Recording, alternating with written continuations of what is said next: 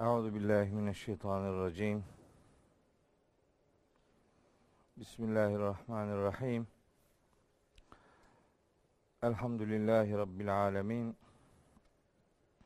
Ves salatu vesselam ala seyyidina Muhammedin ve ala alihi ve ashabihi ve men tebi'ahu bi ihsanin ila yevmiddin. Kıymetli kardeşlerim, hepinizi selamların en güzeliyle, Allah'ın selamıyla selamlıyorum. Allah'ın selamı, rahmeti, bereketi, afiyeti, mağfireti üzerinize olsun. Bugün İnsan suresinin son ayetlerini inşallah okuyacağız. Uzun süredir İnsan suresiyle uğraşıyoruz. Sure nasıl insan oluruzu işlediği için bizimki de uzun sürüyor yani. Onun için birkaç ders bu sureyle meşgul olduk. İnşallah bugün bitecek inşallah. Ömrümüz tükenmeden sure bitse iyiydi. Yani bitiremiyoruz. Çok uzun gidiyor. Ee, şimdi bundan bir önceki ders değil,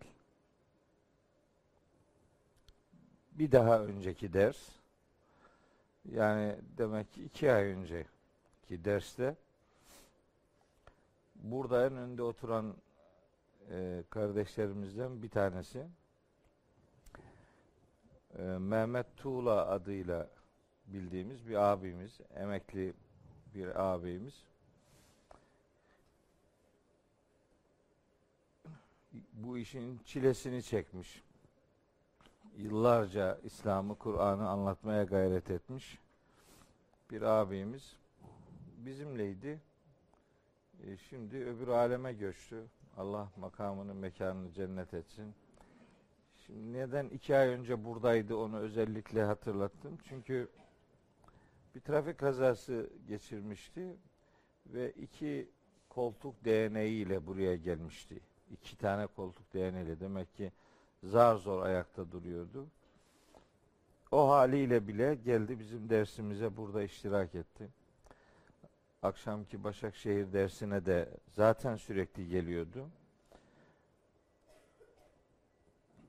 Ne güzel işte insanlar en zor zamanlarında da bu işleri terk etmiyorlar demek ki diyorduk. Sonra vefat haberini aldık. Çok çok üzüldüm. Ama neyse ki hepimizin bir ahiret inancı var. Ahirete inanan insanlar için ölüm çok korkunç bir şey değildir. Cennette buluşacağımıza bütün kalbimizle inanıyoruz.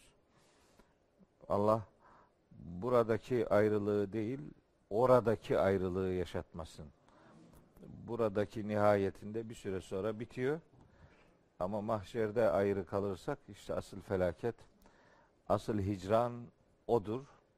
Orada mahcup olmamayı, orada sevdiklerimizden ayrı kalmamayı Rabbim hepimize nasip eylesin diye dua ediyorum. Evet, Mehmet Tuğla abimiz dar bekaya irtihal etmiştir. Allahu Teala rahmetiyle muamele buyursun. Ona da imanla göçen bütün geçmişlerimize de inşallah.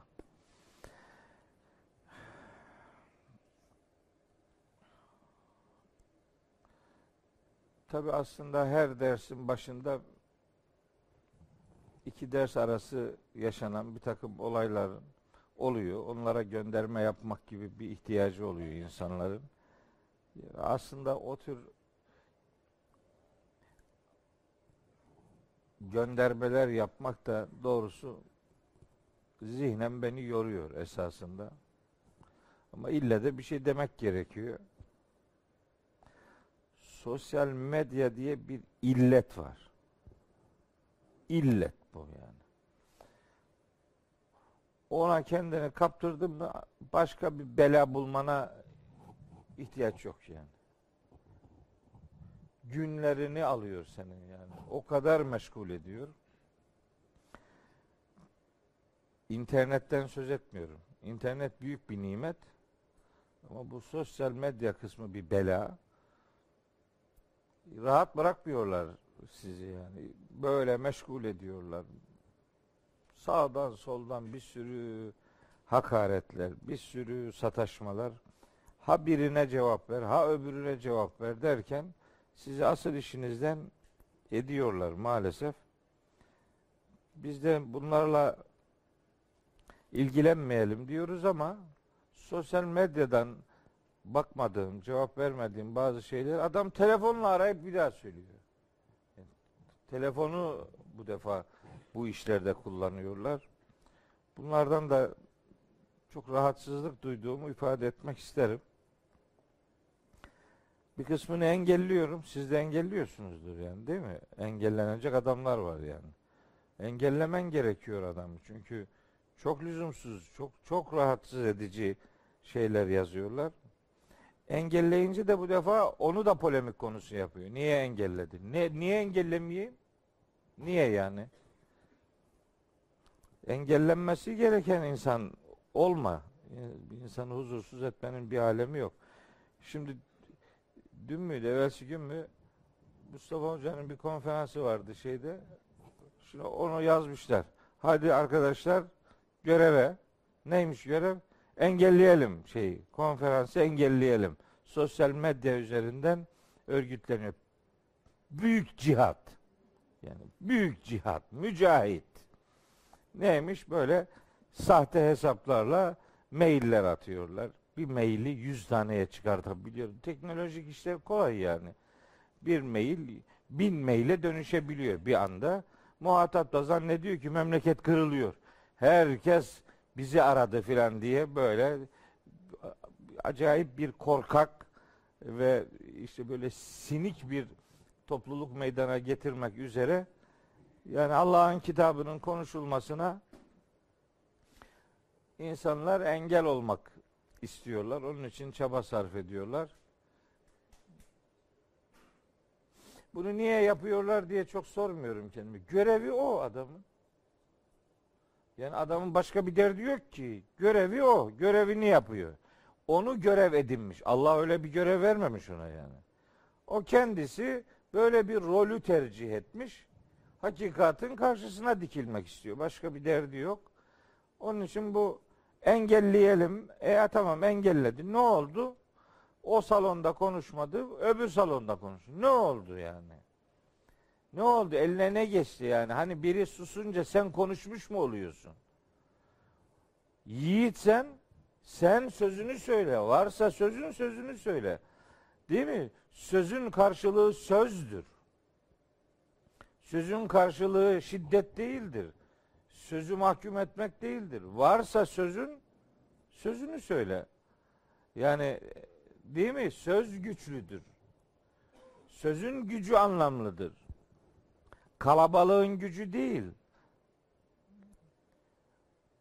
Veya gücün sözü değil yani. Yani asıl itibar edilmesi gereken sözü yükseltmektir. Sesi yükseltmek değil.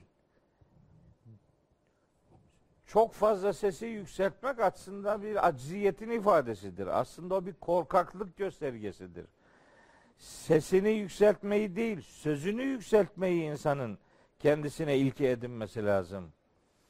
Değil mi? Kalabalıkların gücünden değil, gücün kalabalıklığından değil, gücün sözünden değil, kalabalıkların sözünden değil. Sözün gücünden istifade etmek lazım. Ondan yana tavır koymak lazım.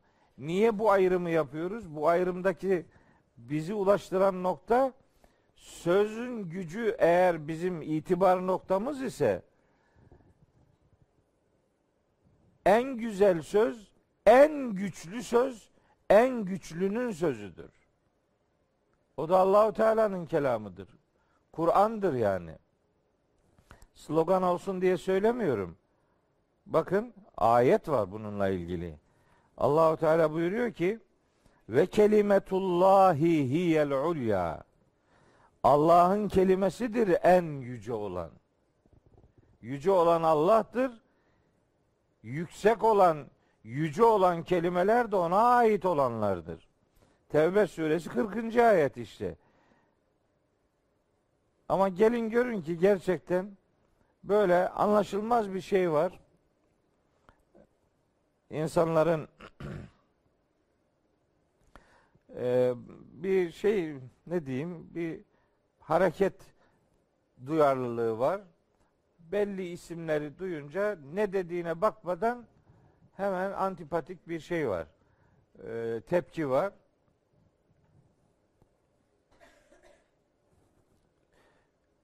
Bazen Allahu Teala bu dinini o tür insanların buna benzer tavırlarıyla da ortada duran bazı insanları bu davaya kazandırmayı da e, yaratıyor yani. Şunu şunu şunu sakın dinlemeyin diye büyük bir reklam yapınca mutedil insanlar da ne varmış bu adamda şunu bir dinleyelim. Allah Allah diyor ve benim çok güçlü dostluklarım böyle sözlerden etkilenerek bize ulaşan kardeşlerimizden oluştu. Gerçekten. Yani nedir kardeşim? Ne var? Adam işte konuşuyor. Sözü bastırmak acziyetin ifadesidir. Aciz. Başka bir şey elinden gelmiyor. Söze sözle mukabelede bulunamıyor. Kaba kuvveti tercih ediyor. E bugün diyelim kaba kuvvet senin elinde. Yarın başkasının eline geçer. O zaman sana yapılmasını istemediğin şeyi şimdi de sen başkasına yapmayacaksın. Madem güçle yürüyor bu, madem güçlünün dediği oluyor, o zaman dün başkaları güçlüyken sana yaptıklarını niye eleştiriyorsun? Niye Mekke'deki müşriklerin müminlere karşı e, zorbalığına dil uzatıyorsun o zaman? O zaman da o güçlüydü. O güçlüydü. Hakikati bastırmaya çalışıyordu. Şimdi diyelim ki sen güçlüsün. Zaten güçlü filan değiller de yani. Ne gücü yani? Öyle bir şey yok. Sadece gürültüleri var yani. Gücü mücü filan öyle bir şey yok. Olsa bile bunu bir baskı unsuru olarak kullanmaması lazım bir adamın. Ahlak hakikatten yana olmayı gerektirir. Hakikatten yanaysanız güçlüsünüz. Kalabalıktan yanaysanız güçlü olmuyorsunuz. Dünya üzerinde şimdi 7,5 milyar insan var. Bunun en iyi oranla 1,5 milyarı Müslüman. Geri kalan 6 milyarı Müslüman değil. E kalabalık o taraftır diye hakikat odur mu diyeceğiz? O 6 milyar ekonomik anlamda Müslümanlardan kat be kat güçlü. Siyaseten de güçlüler. Ekonomik olarak güçlüler. Nüfuz olarak güçlüler. Coğrafya yayılımı olarak güçlüler. E şimdi onlar onlar daha güçlü diye hakikat onlardır mı diyeceğiz yani? Biz Kur'an'ın Müslümanıyız ve Kur'an'dan şunu öğrendik. Çoğunluk hakikatın ölçüsü olamaz. Yok kardeşim. Çok olmak için de çok fazla çaba sarf etmeyin. Bu sünnetullah'a aykırı. Öyle bir şey olmayacak zaten. Çoğu insanların çoğu yani yüzde elli biri en az yüzde elli biri mümin olmayacak diyor. Kur'an'ın sözüdür bu. Ve ma ekserun nasi velev haraste bi müminin. İnsanların çoğu sen ne kadar üzerine düşsen de mümin olmayacak. Bitti. Hatta oradan baktığınız zaman yüzde 49'dur en çok Müslüman oranı. Maksimum yüzde 49'dur. O maksimum yüzde 49'un da yüzde 51'i müşriktir diyor Allahu Teala. Ve ma yu'minu ekseruhum billahi illa ve hum müşrikun. Bu inananların da çoğu Allah'a müşrik olarak inanırlar. Müşrik yani. Buyur. Ne yaptı? Yüz üzerinden düşünün. En iyi ihtimal yüzde yirmi dördü tutturabilirsin. Maksimum başarı budur. İşte filancalar kalabalık olsun. Olsun önemli değil. Bütün peygamberler kalabalıklara karşı mücadele etmişlerdir. Bu sünnetullah böyledir arkadaş. Hatta Hazreti İbrahim'in tek başına ümmet olarak tanıtıldığını biz biliyoruz Kur'an'da. Nahl suresi 120. ayet. İnne İbrahim'e kâne ümmeten İbrahim tek başına bir ümmetti diyor. Niye öyle diyor? Bir insan tek başına da kalsa hakikatin temsilcisi olur. Bunun kalabalıklarla bir ilgisi yoktur. Dolayısıyla bir yöneticinin de filanca kalabalıklar öyle istiyor diye o kalabalık olmayanların hakkını görmezlikten gelme hakkı yoktur. İyi yönetici bir kişinin bile olsun hakkını koruyabilendir. Yani çoğunluğun dediğini yapmak demek azınlığı görmemek demek değildir. Hakikat ehli olan insanlar bir kişinin bile olsun hakkını savunabilenlerdir. Yönetici herkesin yöneticisidir. Bir kişinin değil, bir grubun değil. Benim de bir iki konferansımı iptal etmişlerdi. Hadi şimdi yerini söylemeyelim. Bilen bilir zaten.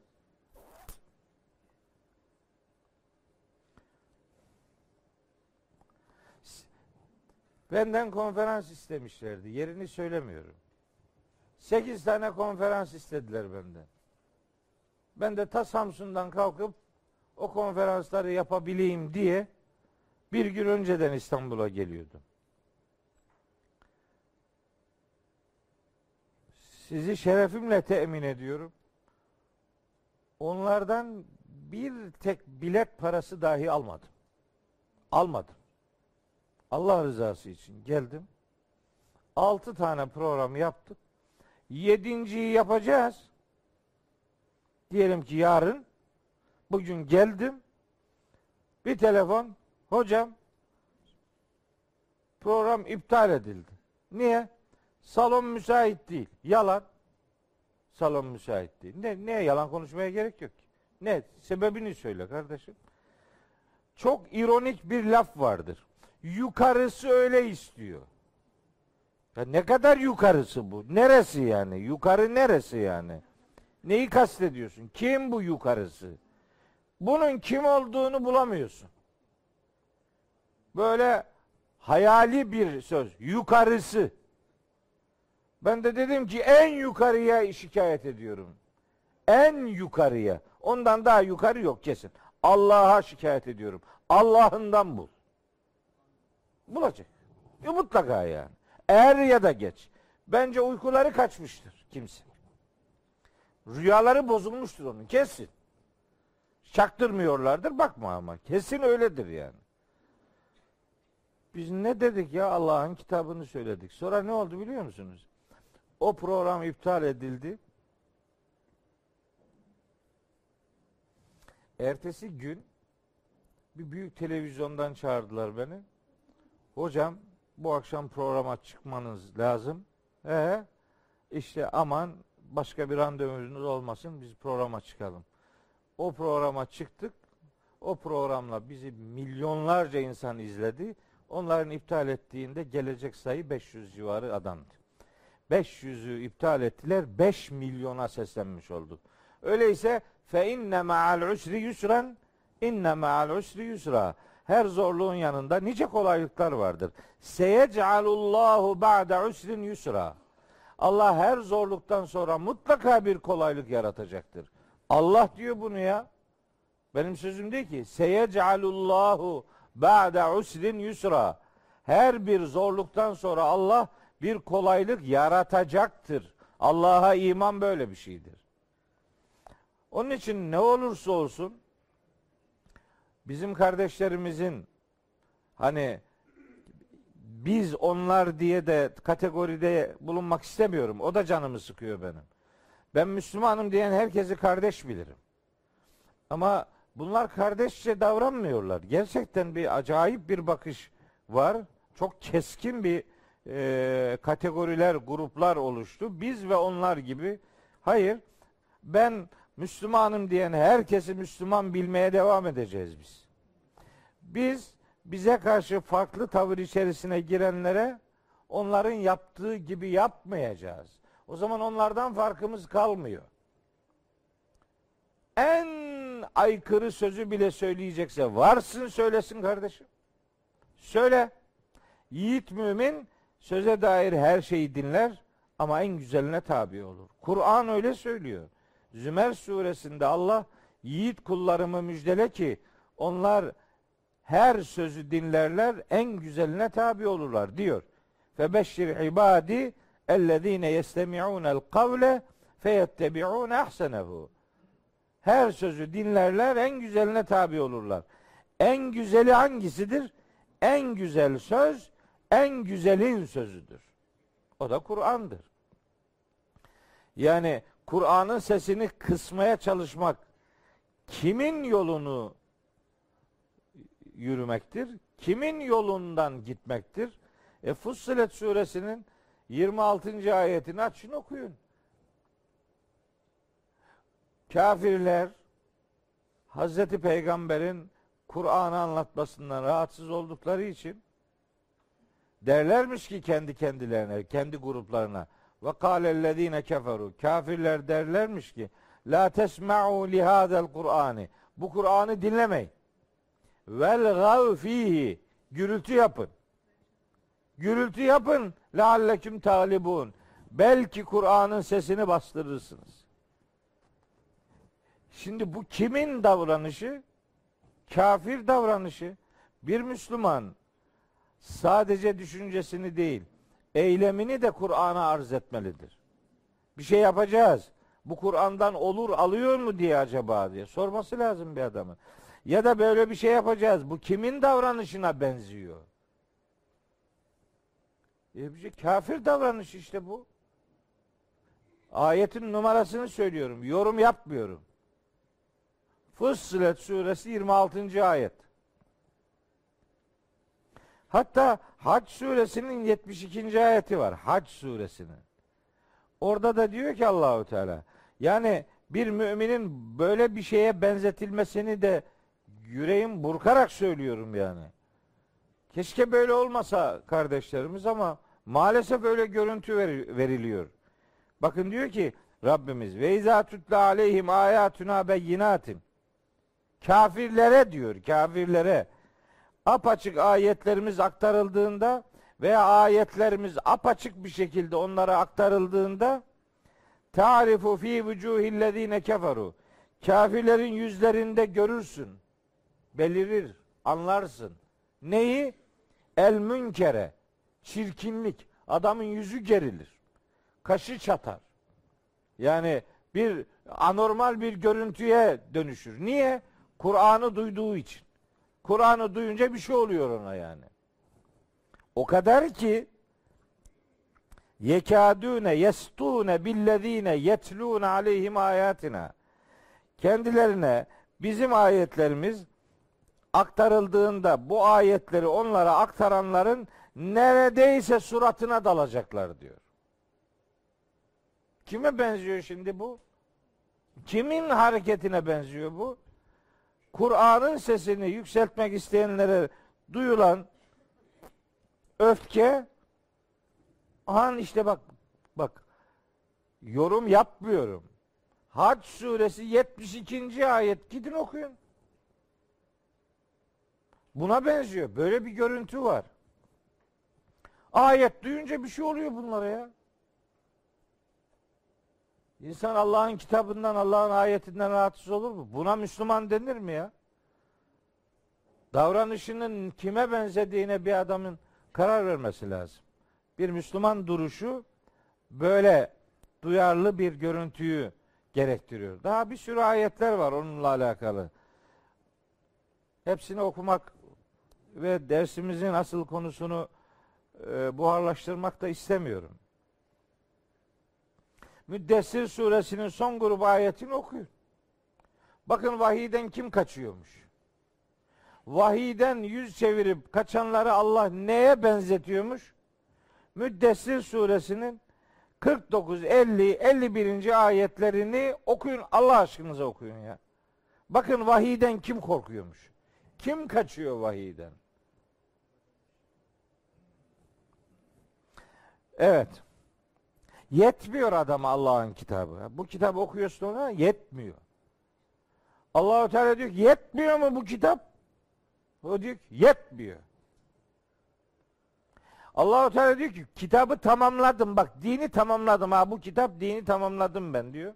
El yevme ekmeltü leküm ekmeltü leküm dineküm ve etmemtu aleyküm nimeti size dininizi tamamladım size olan nimetimi tamamladım diyor. Maide suresi 3. ayette adam diyor ki eksik. Buyur. Bunda her şey var mı? Ya diyor ki Allahu Teala, "Ma farratna fil kitabi min şeyin." Bu kitapta hiçbir şey eksik bırakmadık diyor. Adam diyor ki her şey var mı bunda? Bak bak şuna bak ya. Allahu Teala diyor ki ve kad fassale Allah size açık açık ayrıntılı olarak her şeyi açıkladı. Adam diyor ki bunda yok. Ya kimle kavga ediyor bu adam ya? Allah'la kavga ettiğinin farkında değil ya. Tibyanen likülli şeyin. Bu kitap her şeyin beyanıdır. Her şeyin açıklamasıdır diyor. Bu kitap Maide suresinin 89. ayeti. Adam yok. Bütün çaba ne biliyor musun? O var mı, bu var mı, onda şu var mı, ne var mı onları soruyor. O var mı bu? Ben de birine dedim ki bu senin kafana göre bunda hiçbir şey yok. Aslında böyle bir kitap da yok. Yok o sen o kadar sayıyorsun ki. Ya arkadaş diyelim ki ya gittin doktora mesela. Doktor sana dedi ki kardeşim cilt, ciltle ilgili bir sorunun var. Sen her gün duş alman lazım. Mesela böyle dedi sana. Sen doktora soruyor musun ki?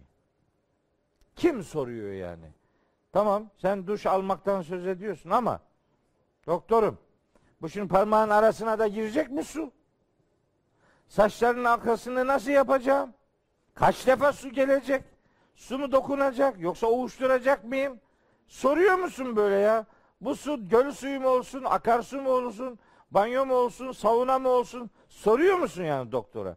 Adam sana duş alacaksın dedi mi tamam doktorum deyip çıkıyorsun. Başka bir detay soruyor musun? Sormuyorsun. Burada diyor ki olmaz. O var mı? Bu rükû var mı? Var. Secde var mı? O da var. Teşebbüt var mı? O da var. Kıyam var mı? O da var. İftitah tekbiri var mı? O da var. Var. Kur'an'da bunların hepsi var. Sübhane Rabbiyel Azim var mı? Var. Sübhane Rabbiyel Ala var mı? Var. Sübhaneke duası var mı? Var. Var. Var hepsi var. Yani peygamberimiz başka bir yerden mi çıkardı namazı? Bundan anladığını yaşadı işte ya. O var mı, bu var mı? O demek istiyor ki o yok, bu yok, şu yok, hiçbir şey yok. Peki biz ne okuyoruz? Nedir yani bu okuduğumuz ne o zaman? 6236 ayet ne bu yani? Bir hayalden mi söz ediyoruz kardeşim? Yapmayın gözünü seveyim ya. Şimdi bunu böyle söyleyince diyor ki, ah bak, bak peygamberin sünnetini inkar ediyor. Ya peygamberin sünneti dediğin ne senin biliyor musun? Peygamberin sünneti demek, peygamber vahiden başka bir şey üretti demek değil. Ya peygamberin sünneti demek, Hazreti Peygamber bu kitaptaki Allah'ın emrini uygulamaya koyması demektir ya. Peygamberin sünneti bu demektir. Allah'ın yap dediğini onun da yapmasıdır. Bir eylemin yapılmasının emredilmesi hükmüdür. Onun uygulaması onun sünnetidir yani. Namaz kılmak Allah'ın emridir. Namaz kılmak fiil olarak peygamberimizin sünnetidir işte. Yani Kur'an başka, peygamber başka değil. Yok öyle bir şey ya. Yani bizim Kur'an dediğimiz her yerde otomatik olarak peygamber var ya. Nedir yani bu bu bu insanları böyle hedef göstermek yani. Hedef gösteriyor. Öyle acayip şeyler yaşıyoruz ki bir, bir, yani bilseniz. Bir cenazeye katılmıştım Samsun'da. Yani bir din görevlisi kardeşimiz vefat etti. Onun cenazesini gittim ben kıldırdım. Cenazeyle beraber mezarlığa çıktık. Mezarlıkta bir tanesi böyle omuzuma vuruyor bir, bir, bir, bir abi. Sen Mehmet okuyan değil misin dedi bana. Evet dedim. Senin ne işin var burada dedi.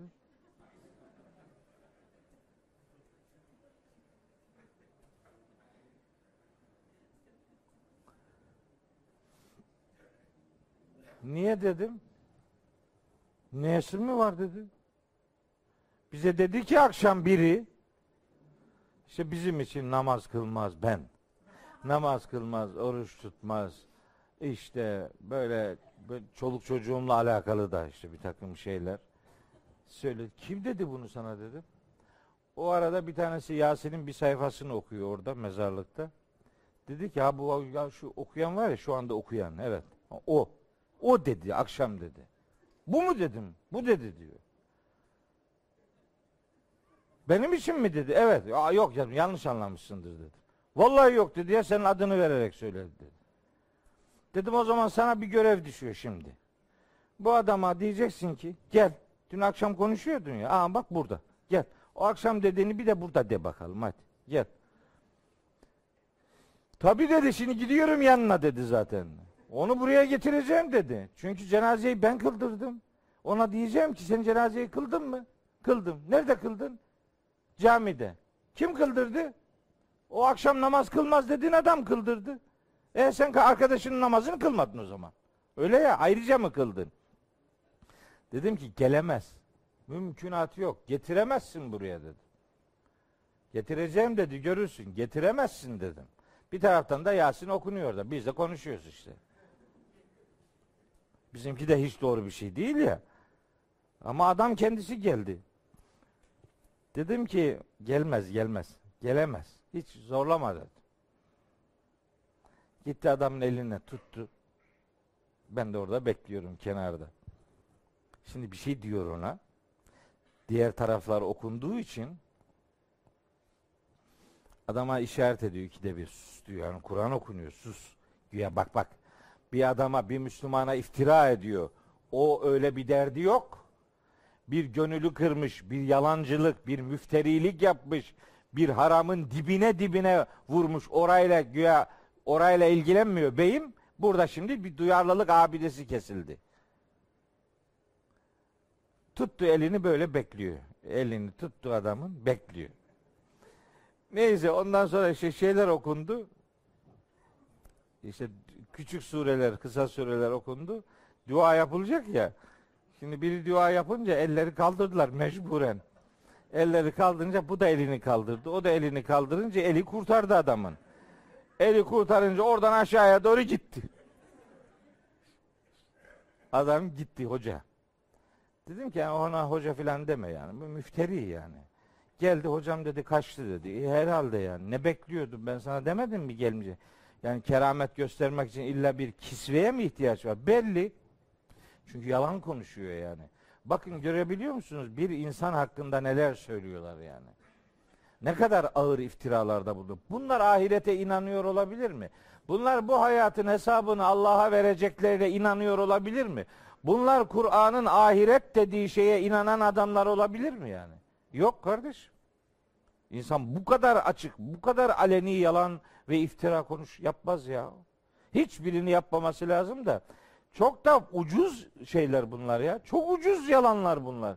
Yani bir dakika sonra yanlış olduğu, tersinin doğru olduğu ispat edilebilecek şeyler. Onun için ben yani e, ruhunu Kur'an'dan besleyen insanların bu tür tavırların içerisine ne olursa olsun girmemesi gerektiğini, Kur'an'dan beslenen bir insanın böyle bir yürek yıkmaya dair bir çabası bulunmaması gerektiğini düşünüyorum ve bunu bir daha on, yine onları kendisine kardeş bilen bir e, bir Müslüman olarak hatırlatıyorum. Allahu Teala böyle yanlışlıklar yapmaktan hepimizi muhafaza buyursun. Bir adamın neye karşı çıktığını iyi hesap etmesi lazım. Kime karşı çıktığını iyi hesap etmesi lazım. Yolcuya kızarak yola küsmemesi lazım. Birine kızıyorsun ama yolu darma duman ediyorsun. Böyle bir korkunç yanlışlık var maalesef. Bu yanlışlığı yapmayalım. Biz de bir dahaki ders böyle yarım saati böyle şeyler anlatmaya ayırmak durumunda kalmayalım derim. Ümidim var mı? Çok da ümidim olmadığını buradan ilan edebilirim. Evet. Neyse. İşte böyle. Bayburt'un dediği gibi işlik böyle işte. Yani yapacak bir şey yok. Böyle. Böyle gidiyor bu. Işıktan korkan adamlar, nur, Kur'an'ın nurundan korkan adamlar, Kur'an'ın nurunu tanımayanlar gördüğü gece lambasını güneş zannederler. Kur'an'ın ışığını görmeyen, onun güneşini fark edemeyen adam en küçük bir gece gece gece neden ateş böceğinin işte ışığını güneş zanneder. Sonra güneşi görünce de gözleri kamaşır. Bu da neymiş der filan diye. Bizim güneşimiz vahiydir. Bu vahyi hayata taşıma noktasındaki önderimiz, rehberimiz de Peygamberimiz Aleyhisselatü Vesselam'dır. Nihayetinde bizim Kur'an dediğimiz her yerde Peygamberimizin bulunduğunu bir vesile tekrar hatırlatmış olayım. İşte o Kur'an bizden bir şey istiyor. Peygamberimize hitaben onun üzerinden hepimize seslenerek. Buyuruyor ki 25. ayetinde buyuruyor ki Estağfirullah Vezkür isme rabbike işte vezkür isme rabbike bukreten ve asila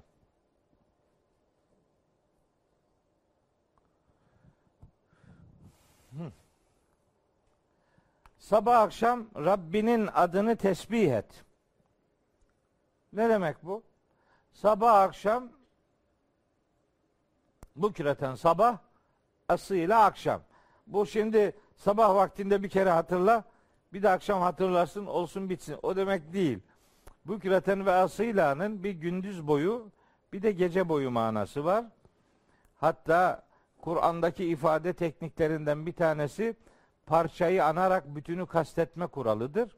Yani Kur'an bazen bir şeyin parçasını söyler, bütününü kasteder. Bazen bir şeyin bütününü söyler, parçayı kasteder. Bu bir Kur'an üslubudur. Burada da kasıt parça anılmış, bütün kastedilmiştir. Sabah akşam yani olabildiğince Allah'ı hatırla. Bunun o anlama geldiğini başka ayetlerden öğreniyoruz. Hangi ayetler? İşte Azap suresi 41. ayet. Rabbimiz buyuruyor ki orada Estağfirullah. Ya eyyühellezine amenu. Ey iman edenler. Üzkürullâhe zikran kesira. Allah'ı çokça zikredin.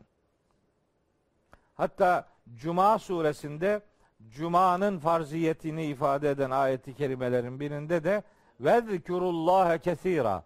Allah'ı çokça zikredin diye bir buyruk yer alır. Peki Allah'ı zikretmek ne demek? Değil mi? Zikredin. Allah'ı çokça zikredin. Sabah akşam Allah'ı zikredin. Ne demek bu? Zikir ne? Zikrullah ne demek? Şimdi bu zikrullah Ankebut suresi 45. ayette de geçiyor. Zikrullah tamlaması geçiyor orada. Orada Allahu Teala buyuruyor ki Estağfirullah Ütlü ma uhiye ileyke minel kitabi ve akimis salate inne salate tenha anil fahşai vel münker ve le zikrullahi ekber ve le zikrullahi ekber. Nasıl tercüme ediliyor bu? Allah'ı zikretmek en büyük ibadettir. Allah'ı hatırlamak en büyük ibadettir. Meselenin ibadet boyutuyla bakıldığı zaman tamam bu namazın da kılınma gerekçelerinden biridir zaten. Taha suresinde Hz. Musa'ya hitaben Rabbimiz buyuruyor ki akimis salate li beni hatırlamak için namaz kıl diyor. Fakat zikrullah tamlamasının tam tercüme karşılığı Allah'ı hatırlamak değil, Allah'ın hatırlaması demektir. Allah'ın hatırlaması ne demek? Allah Allah Allah hatırlar mı? Tabi hatırlar. Allah'ın bizi hatırlaması bizim Allah'ı hatırlamamızın sonucu olarak gerçekleşir. Bu doğrudan Bakara suresindeki bir ayetin söylediğidir. Rabbimiz orada buyuruyor ki Fezkuruni ezkürküm. Siz beni zikredin ki ben de sizi hatırlayayım. Yani siz beni hatırlayın ki ben de sizi hatırlayayım. Bizden bir şeyi yapmamızı istiyor Allahu Teala. Bakara suresi 152. ayet. Siz Allah'ı hatırlayın. Allah sizi unuttu demek değil bu yani. Allah unutmaz. Ve ma kana rabbuke nesiyya. Rabbin unutmaz. Meryem suresinde 64. ayette geçer. Allah unutmaz. Peki unuttuğunu söylediği ayetler var. Ne, ne olacak? Neyi unuttuğunu söylüyor? Kimi unuttuğunu söylüyor? Mesela münafıklar unuttuğunu söylüyor. Niye öyle diyor? Çünkü diyor ki Nesullâhe. Onlar Allah'ı unutmuşlardır. Fenesiyehum o da onları unutmuştur. Allah da onları unutmuştur. Allah'ın birini unutması demek onu azapta bırakması demektir. Yoksa Allah'ın haşa hafızasından bir şeyin silinmesi filan demek değil. O demek değil. Kesinlikle azapta unutmaktır. Taha suresinde var. Araf suresinde var. Haşr suresinde var. Bunları anlatıyor bu unutmanın ne olduğunu. Bir tanesini söyleyeyim yeter. Diğerlerini e, okumayayım. Taha suresinde buyuruyor ki 124, 125, 126. ayetler. Taha suresinin. Orada buyuruyor ki Rabbimiz Estağfirullah. Ve men a'rada an zikri kim benim zikrimden, zik vahyimden yani kim yüz çevirirse fe inne lehu maişeten danken onun için dar sıkıntılı bir hayat vardır. Ve nahşuruhu yevmel kıyameti a'ma kıyamet günü de onu ama olarak dirilteceğiz. Kale demiş olacak ki adam Rabbi lime haşerteni ama Ey Rabbim beni niye böyle kör yarattın, dirilttin? Vakat küntü basira halbuki ben görüyordum. Kale Allahu Teala ona cevaben buyurmuş olacak ki etetke ayatuna kale kedalike kedalike haklısın. Evet dünyada görüyordun haklısın. Öyleydi tamam. Ama etetke ayatuna sana bizim ayetlerimiz gelmişti. Fenesi iteha. Sen onları unutmuştun. Ve kezalikel yevme tunsa. Şimdi sen de böyle kör unutulacaksın. Yani o hal üzere bırakılacaksın demektir. Yoksa Allah bir adamı hafızasından çıkarmaz. Azapta unutmak demektir yani. Araf suresinde de fel yevme nensahum kema nesu liqa yevmi Biz onları bugün azapta unutacağız. Onlar bizimle buluşmayı unuttukları gibi. Araf suresinin 50 51. ayet. Öyle geçiyor yani. Ha, şimdi bir yere geleceğim. Ne buyuruyor Rabbimiz? Peygamberimize hitaben oradan da bize seslenmiş oluyor tabii ki. Vezkür isme rabbike büküreten ve asıyla. Sabah akşam Rabbinin adını zikret. Allah'ı hatırla. Allah'ı an. Allah'ın ismini. isim kelimesinin yükseklik, yücelik manası var. Sümüv kelimesinden türemiş bu. Sümüv. Yükseklik. Sema biz gök diyoruz ya. Aslında gök diye bir tabaka yok. Aslında o yükseklik demektir. Yüksekler alemine semavat deniyor yani. Hatta hani bu kurulu öğretiler bunlar için semavi dinler derler. Semavi. Aslında bu isim de çok sağlam bir isim değil. Semai demek lazım aslında buna. Semavi değil. Semavi sanki gökten geldi. Eğer yüceler aleminden geldi manası kastediliyorsa sorun yok da onu kastetmiyor adam. Göğü kastediyor. Gökten Allah göktedir diye Allah'a bir mekan isnadı bir müminin yapacağı iş değil. Semai olsa yani işitmeye dayalı, vahye dayalı demektir işte o. Vahye dayalı dini öğretiler. Semavi değil, semai demek daha doğrudur. Semavi deniyorsa da maksat gökten gelmek değil, yüceler aleminden gelmesidir. Ha, Allahu Teala şimdi onun adını isim işte sema o kökten geliyor filan. Allah'ın yüceliğini hatırlamak manasına alabiliriz bunu. Sabah akşam, gündüz gece Allah'ın yüceliğini hatırla. Allah'ın yüceliğini hatırlamak, onu zikretmek. Zikir hatırlamak manasına geliyor ya. Bir şeye hatırlamak denmesi için o şeyin önce öğretilmiş olması lazım. Önceden öğretilmeyen bir şeye sonradan gönderme yapmak, onu hatırlatmak olmaz. Yani sana bir şey hatırlatıyorum diyeceksen birine onu ona önceden söylemiş olman lazım. Kur'an'ın bir adı zikirdir. Zikradır, tezkiradır. Pek çok ayette geçer bu. Zikir, zikra, tezkire. Neyi hatırlatıyor Allahu Teala? Bize aslında fıtratımıza yazdığı, anakartımızı, vicdanımızı şekillendirdiği, bizi biz yapan o asıl yapımıza yazdığı, nakşettiği, yerleştirdiği prensipleri vahiy ile bize yeniden hatırlattığı için Kur'an'a zikir denilir.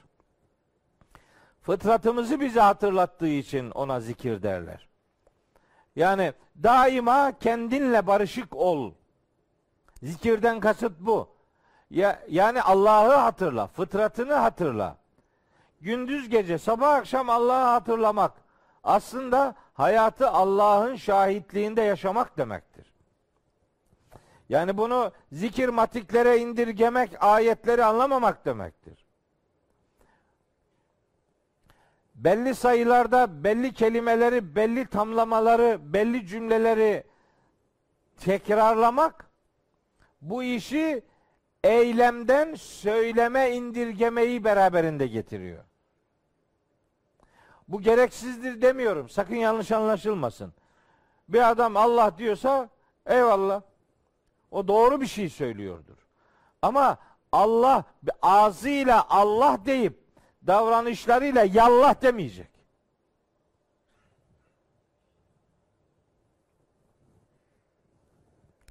Bizim Çaykara'da bir tanesi İmam Hatip'te okuyormuş. Fakat tembel bir talebe. Böyle tembel bir şey bilmiyor. Kur'an-ı Kerim dersinden de sürekli kalıyor. Hoca demiş ona ki Allah kelimesi isim midir, fiil midir? Bu kadarını bil Arapçadan yani. Bunu bilirsen tamam geçecek. Bizimki ne dese beğenirsin. Fiil. La Allah kelimesi fiil midir, isim midir? Bir daha soruyor ona hoca. O da diyor ki fiil. Bir şey biliyorsan peki fiil hangi fiil? Mazi fiil mi, muzari fiil mi? Mazi fiil. Fiili mazi. Peki muzarisi nedir? Allah mazi, muzarisi de yallah'tır diyor. Muzarinin başına Y harfi geliyor ya. Oraya yallah diyor işte. Buyur. Bizim bir tane Murat İbrahim Ağaoğlu diye bir arkadaş var. O anlatıyor böyle şeyleri. Böyle kırıp geçiriyor beni yani. O kadar gülüyorum. Gene bir tanesi böyle tecvid dersinden kalmış da demiş ona ki bir tanesi ha hoca demiş ki sözlü yapacak o delikanlıyı demiş ki hükmü ra ile ilgili bir örnek ver. Hükmü ra dedi. R harfi yani. R harfinin okunuşundaki işte ince mi okunacak, kalın mı okunacak işte. Harekesi üstün veya ötürüyorsa kalın okunuyor. Esre ise ince okunuyor. İşte arkadan katılıyorsa da gene aynı kural geçerli filan. Bir iki tane istisnası var. Esre olursa bir sonraki harf kalın sessizlerden biri ise gene de kalın okunur filan. Bir takım detayları var. Şimdi o arkadaşın yanındaki de çok sınıf birincisi biriymiş. Demiş ona ki hoca hani hükmü raya dair bir örnek ver deyince o sınıf birincisi olan da muzip biriymiş. Demiş ona ki İzâ câe de ona. O da hani birinci idâ câe deyince cevabı bilmenin büyük huzuruyla büyük bir e, güvenle kalkmış ayağa demiş ki hükmü raya örnek. İzâ câe Allah hani re hani re izâ câe'de re ne arıyor yani? Bir şey bilmediğin zaman her söze itibar edersin. Hele birini bir şey zannediyorsan, onun ağzından bir söz çıkıyorsa onu zaten daha sorgulamazsın. Al. Hemen servis et dur. Bizim dini hayattaki pratiklerimiz de böyle. Bizim hoca dediyse doğrudur. Sizin hoca ne dedi ya kardeşim? Bir şey dediği yok işte yani. Ses çıkarıyor. Bir şey yok. Hükmün raya idâ ediyor işte yani. Olanı bu. Evet. Başlangıçta öyle gergin başlamıştım. Biraz hafif yumuşatayım ortalığı diyorum. Ne mesela zikir neymiş? Bize fıtratı hatırlatıyor. Başka zikirin şeyleri de var. Allah'ı hatırlatmak, fıtratı hatırlatmak, vahyi hatırlatmak, önceki mesajları hatırlatmak, Tevrat'ı, İncil'i, Zebur'u hatırlatmak, suhufu hatırlatmak, levhaları hatırlatmak gibi böyle boyutları var. Şimdi Rabbimiz bize diyor ki Rabbinin adını sabah akşam, gündüz gece hatırla. Yani hayatı Allah bilinciyle yaşa. Yani hayatına Allah şahittir. O şahitlikle bu hayatı yaşa. Yani milletin dediği gibi namazda Allah'ı hatırla, namazdan sonra hatırlamasan da olur yapma. Hayatını Allah'lı ve haşa Allahsız diye ikiye bölme. Bizim hayatımızda Rabbimizin bize şahit olmadığı hiçbir an ve hiçbir alan yok. Öyleyse gece gündüz Allah'ı hatırlamak demek Allah'ın varlığı ve bizi bu hayatın hesabını verecek şekilde sorgulayacağı gerçeğiyle bu hayatı yaşa. Zikrullah bu demektir. Zikrullah Allah'ı hatırlayarak bu hayatı yaşama bilincine, duyarlılığına deniliyor. Belli sayıları tekrarlamaya indirgenmemelidir. O da iyi bir iştir elbette. Ama diliyle Allah'ı tesbih edip eylemleriyle Allah'a düşmanlık yapacak ya da onun gazabını gerektirecek bir yanlışlık yapmamak gerekir. Onun için zikrullah Rabbimizi zikir kelimeleri tekrardan ibaret değil, hayatı bilince dönüştürerek yaşama, Allah bilinciyle bu hayatı yaşama duyarlılığına zikrullah deniliyor. Bunu özellikle ifade etmek isterim.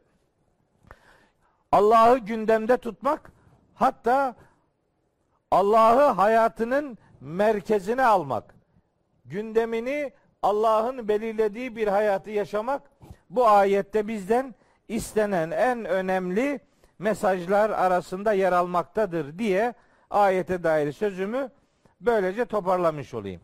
Başka notlar almıştım onları geçiyorum. Ara ara e, şeyler söylemek istiyorum. Bugün burada şimdi bir misafirimiz var onu gördüm şimdi. Çok uzaklardan geldi. Çok acayip uzaklardan geldi. Bizi iki tane de kızıyla geldi. Biri Muhsine, biri Muhlise. Özbekistanlı bunlar. Babalarının adı da Ebrar. Ebrar'la tanıştık geçen gün. İşte Muhsine ile Muhlise ile tanıştık.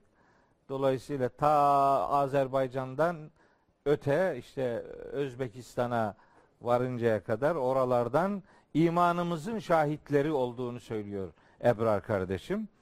Ee, imanımıza orada şahit olduğunu söylüyor. Allahu Teala mahşerde onun şahitliğini hakkımızda kabul buyursun inşallah. Biz de onların imanının şahidiyiz, şahidi olacağız.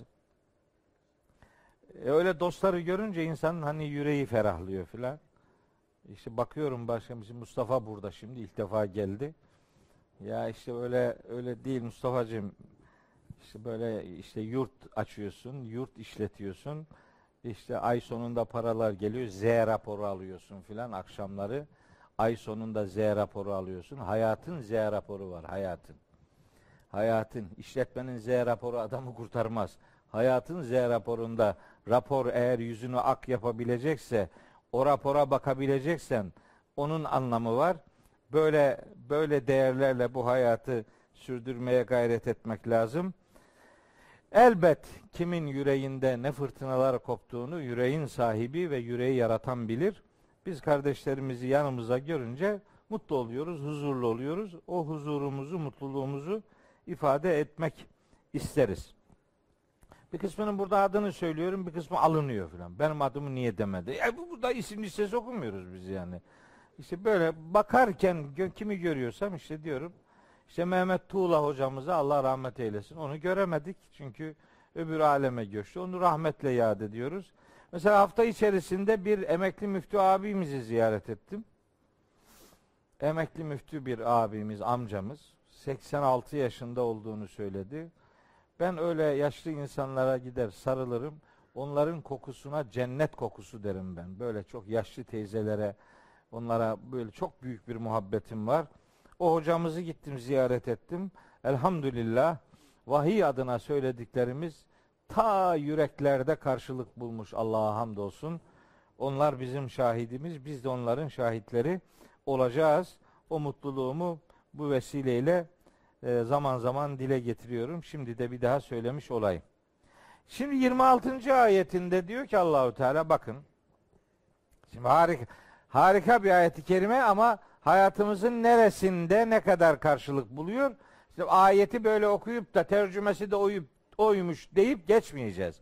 Bakalım ne diyor? Diyor ki ve minel leyli fescud lehu ve minel leyli gecenin bir kısmından fescud lehu Allah için secdeye kapan.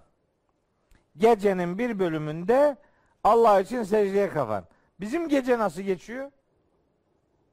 Bizim gecenin yarıdan çoğu dizi seyretmekle, televizyon seyretmekle geçiyor. Kalan kısmı da uykuyla geçiyor. Ama bak başka bir şey söyledi. Dedi ki ve minel leyli fescud lehu. Gecenin bir bölümünde Allah'a secde. Allah için secdeye kapan. Allah için secdeye kapanmak hem fizyolojik olarak bildiğimiz manada secde yapmaktır hem de Allah'ın bütün buyruklarına boyun bükmektir. Yani geceleyin aslında secde geceleyin vahiy ile buluşup Allahu Teala'nın buyruklarına karşı boynumuzun bükük olduğunu ifade etmemizdir. Hem secdeyi yapmamız hem de ilahi buyruklara boyun eğdiğimizi itiraf etmemizdir. Bununla ilgili bir, birkaç ayet okuyacağım. Bak oraya hep yazdım o ayetleri. Onları okuyacağım. Bakalım ne oluyor? Bizim hayatımız Allah'ın dediği gibi gidiyor mu? Herkes kendi kendi e, gidişatına oradan rota kazandırabilir. Diyor ki bakın ve sebbihhu leylen tabila ve sebbihhu Allah'ı tesbih et. Tesbihin Allah'a yönelik olsun. Tesbih ne demekti? Onu burada defalarca söyledim. Yani hayatı Allah'ın istediği gibi yaşamak demektir tesbih. Allah'a tesbih et. Ne, ne zaman? Leylen geceleyin. Tesbihi mi nasıl yapacağız? Hangi gecelerde mi tesbih yapacağız? Genelde anlaşılan şudur. Uzun gecelerde Allah'ı tesbih et. Böyle tercüme ediliyor. Yani kışın. Aralık, Ocak, Şubat işte bu aralarda gece uzun, gece uzun. Bu uzun gecelerde Allah'a tesbih et. Bu şimdi şimdi bunu böyle diyen adama diyorum ki bak kardeşim ya böyle diyorsun ama kısa gecelerde Allah'ı tesbih etme gibi bir mana akla geliyor. Yapma bunu.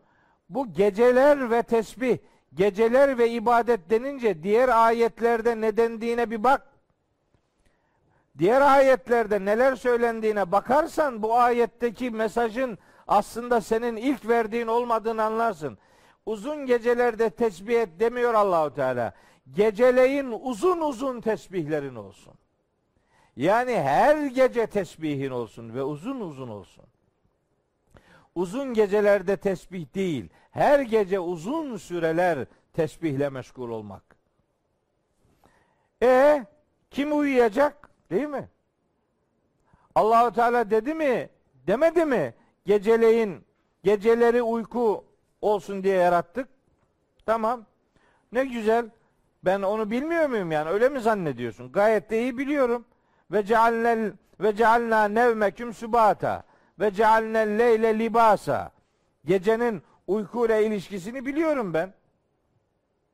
Fakat gece hep uyunsun diye var edilmiş bir zaman bir dilimi değildir. Uyku gecenin bir enstrümanıdır, bir unsurudur. Tamam eyvallah ama gece boyu uyumaktan söz etmez Kur'an-ı Kerim. Şimdi size kuvvetle muhtemeldir ki ilk defa duyacağınız bir şey söyleyeceğim. Bir ayet-i kerime. Yani duymuşsunuz da neyse biz de abartıyoruz şimdi. Yani ilk defa duyuyoruz. Sanki yani yeryüzünde hiç söylenmedi. ilk defa ben söyleyeyim. Yok. Yani öyle laf kalabalığı Öyle ağzımdan kaçtı onu duymamış olun. Ben seslendiriyorum. Bir daha seslendiriyorum. Ben de bir taraftan da bekliyorum. Ha, o ilk defa duyduk bunu dese biri çok iyi olacak. Hiç olmasa biri desin yani. Rum suresinin bakın Rum suresinin 23. ayeti var. Biz neyi biliyoruz? Geceler uyku, gündüzler maişetle ilişkilidir. Tamam. Fakat bakın Rum suresi 23. ayette diyor ki Allahu Teala ve min ayatihi Allah'ın kudret delillerinden biri de şudur. Ne? Menamukum uykunuz. Uyumak bir nimettir. Uykunun ilacı yoktur. Uyuyacaksın kardeşim. O vücudun ihtiyacı odur. O uyumadan başka türlü öyle ilaçlarla filan o ihtiyaç giderilmez. Uyuyacaksın. Ne zaman? Billeyli gece. Ama bitmedi. Ve nehari gündüz de olabilir. Gündüz ve uyku ilişkisi var Kur'an'da. O kaylule denen bir uykudan söz edilir ya, işte onun delili burasıdır. Gündüzün de uykuyla ilişkisi vardır. Siz geceleri ayakta durmayı becerebiliyorsanız, gündüzün belli aralıklarında uykuya Allahü Teala gönderme yapıyor merak etme. Allah seni gece gündüz ayakta dur diye inşa etmiyor yani. Geceyi böyle akşamdan sabaha kadar saatler boyunca uykuyla geçirme diyor. Bunun gündüze transfer edilebilecek bir tarafı vardır. Öyle üzeri bir 15 dakika veya 20 dakikalık bir uyku çok büyük bir dinçlik ve dinginlik vesilesidir. Yani sürekli gece deyince hep uyuyacağız falan öyle bir şey yok. Bunun gündüze yansıtılabilecek, aktarılabilecek belli zaman dilimleri vardır. Niye? Çünkü gece ne yapacağız o zaman? Bakın gece neler yapılacak. Bakın yiğitler kimlermiş? Allah kime yiğit diyor? Ali İmran suresinin 17. ayeti var. Ali İmran suresi. 16 aslında 15. ayetten başlıyor. 15, 16, 17. O 17. ayette buyuruyor ki yiğit müminleri onların niteliklerini anlatıyor. Es-sabirine direnç gösterenler. Yani inancını ve değerlerini sadakatle savunanlar. Ve sadıkine sadakat gösterenler. Vel kanitine Allah'a boyun bükenler. Vel münfikine infakta bulunanlar, infak edenler vel müstağfirine müstağfirin müstağfirin bağışlanma dileğinde bulunanlar bağışlanma dileğinde bulunanlar ne zaman bil eshari seher vakitlerinde bak seher vakitleri yatma vakitleri olarak anlatılmıyor seher vakitleri sahur vakitleri insanların istiğfar zamanları olarak belirleniyor Ramazan'da sahura kalkılır. Niye? Yemek yemek için. Tamam zaten öyle yapıyoruz da. Yemek yiyor. Yemek yemek için mi kalkıyoruz sahura? Yani bunun için mi sahur bizim bizim kültürümüzde var? Hatta bir kısmı diyor Kur'an'da sahurla ilgili bir şey yok. Nasıl yok ya? Vel müstağfirine bil eshari. Eshar seherler demektir yani. Nasıl yok? Var. Var da kalkınca yemek yemekten söz etmiyor işte. Başka bir şey diyor. Ne diyor? Diyor ki Rablerinden bağışlanma dileğinde bulunurlar. Ne zaman? Seher vakitlerinde. Geceleyin. Yatmaktan söz etmiyor bakın. Allah'a istiğfardan söz ediyor. Haydi bakalım bir tane daha okuyalım. Secde suresinde buyuruyor ki Yüce Allah Estağfirullah işte yiğitleri, yiğit müminleri anlatıyor. Secde suresi 15-16. ayetler. Secde 15-16. 15. ayeti geçiyorum. 16'yı okuyorum.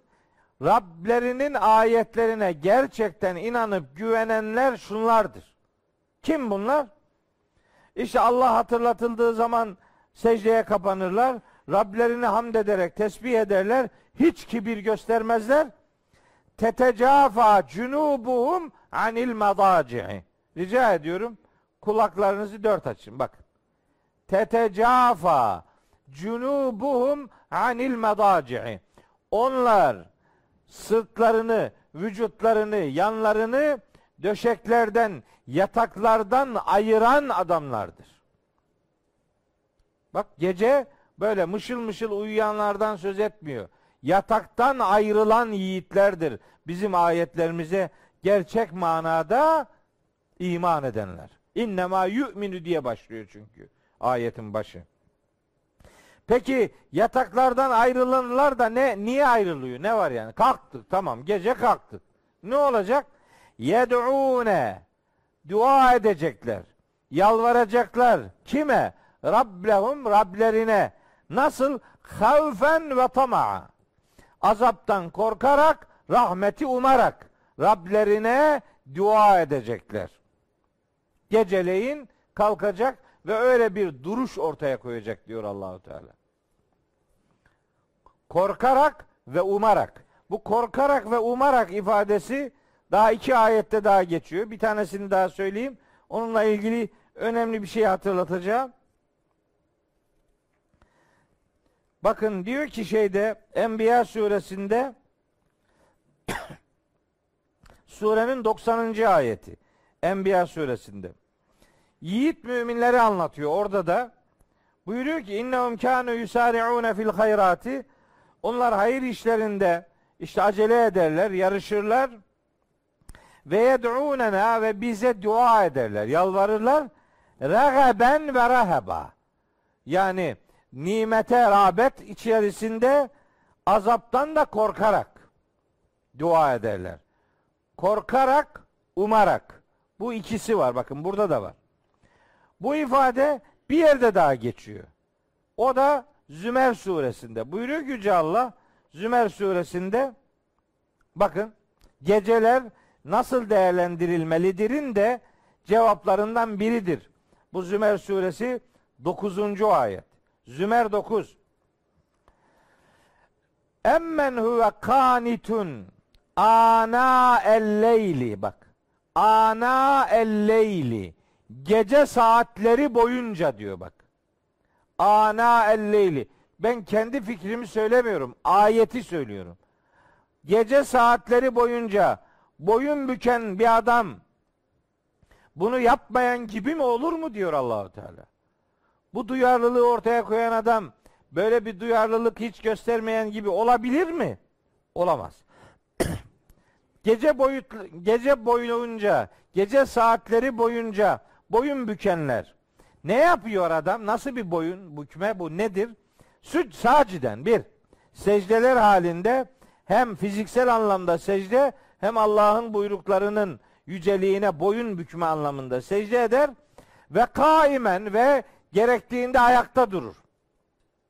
Secdeler halinde ve kıyam halinde gece saatleri boyunca böyle duranlar hangi duyguyla yahzerul ahirete ahiretteki hesaptan korkarak ve yercu rahmetehu rahmete rabbihi Rablerinin rahmetini umarak ahiretin azabından korkarak Rabbinin rahmetini umarak Bak üç tane ayet bunlar.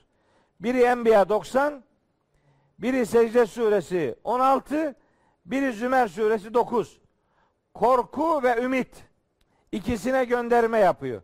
Bu son okuduğumuz ayette de gece saatleri boyunca secdeler ve kıyam halinde olan yiğitlerden söz ediyor. Bir ayet daha okuyayım. Bakın. Geceleri mışıl mışıl uyuma zamanları mıymış? Hep öyle anlatıyorlar. Kitap ehlinin içinden yiğitlerden söz ediyor. Ali İmran suresinin 113. ayeti. Ali İmran suresi 113. ayet. Orada buyuruyor ki Yüce Allah. Leysu sevaa. Kitap ehlinin her ferdi bir değildir. Min ehlil kitabı ümmetün. Ehli kitabın içinden şöyle bir topluluk var. Kaimetün, ayakta, diri, dinç. Yetlûne ayatillahi. Allah'ın ayetlerini tilavet ediyorlar. Okuyorlar, aktarıyorlar, yaşıyorlar. Ne zaman? Ana elleyli. Bak, gece saatleri boyunca. Ve hum yescudûne. Secdeye kapanıyorlar. Gece saatleri boyunca vaktini, gece vaktini ibadetle, secdeler ve kıyam halinde geçirme ile alakalı bir duyarlılığa dikkat çekiyor. Bakın orada not aldım. Zariyat suresi 17 18. ayetleri var. Zariyat 17 18. Zariyat 51. sure. Şimdi söz benim değil. Aç oku bak. Herkesin evinde Kur'an-ı Kerim var. Atsın mealine baksın. Buyuruyor ki Rabbimiz 16. ayette. İnnehum kanu innel muttakine 15. ayetten itibaren başlıyor. Muttakiler kimlerdir? Onları anlatıyor. Onların cennetteki ödüllerine ufak bir gönderme yapıyor. Sonra diyor ki innehum kanu kable zalike muhsinin. Onlar daha önceden ihsan sahibi, muhsin insanlardı. Yani işini düzgün yapan adamlardı. Yani Allah'ı görüyormuş gibi ibadet eden duyarlı insanlardı onlar. İhsan o demektir. Allah'ı görüyormuş gibi ibadet edebilmek. Sen onu her ne kadar görmüyorsan da o seni görüyor. Öyle peygamberimizin öyle bir tarifi var. El ihsanu en ta'budallaha keenneke terahu fe in lem tekun terahu fe innehu yarake. İhsan denen duyarlılık Allah'ı görüyormuş gibi ibadet etmendir. Sen onu her ne kadar göremiyorsan da o seni görüyor. Allah'ın seni görüyor olduğu bilinci işte zikrullah'tır. Hayatı Allah bilinciyle ve ubudiyet alanı olarak yaşamak. Peki bunlar muhsin insanlardı. Ne yaparlardı bu muhsinler? Zariyat suresi 17. ayet okuyorum. Kanu kalilen minel leyli ma yehcaune. Bir daha okuyorum. Kanu kalilen minel leyli ma yehcaune. Onlar geceleyin az uyurlardı. Az, geceleyin az uyurlardı. Peki ne yaparlardı az uyuyorlar da ne yapıyor uyanık olduğu zaman? Ve bil eshari hum yestağfirune. Seher vakitlerinde de istiğfar ediyorlardı. bu hiçbir zaman bu şu demek değil. Hiçbir zaman bu adam gece ayakta durursa bu gündüz hiçbir iş yapamaz. Asla bu demek değildir. İslam tarihinin altın sayfalarına adlarını altın harflerle yazanlar gecesini vahiy ile inşa edip gündüzünü vahiy ile ihya eden yiğitlerdir. Elbet uyku bir ihtiyaçtır. Ancak geceler boyu akşamından sabahına kadar uyumaktan söz etmiyor. Sözü olan Allah'a söylesin. Bak böyle diyor. Bunlar az uyurlardı. Seher vakitlerinde Rablerine istiğfar ederlerdi. Müzzemmil suresi var canım en başı bunu söylüyor işte. Ya eyyuhel müzzemmilu kumil leyle illa kalilen nisfahu evin minhu kalilen evzid aleyhi ve rattilil Kur'ane tertila. Yani gecenin çoğunu ayakta geçir diyor. Akşamdan sabaha kadarki zamanı ayarla görürsün. Yani akşam e, vakit güneş batımınca zaten gece kavramı başlıyor.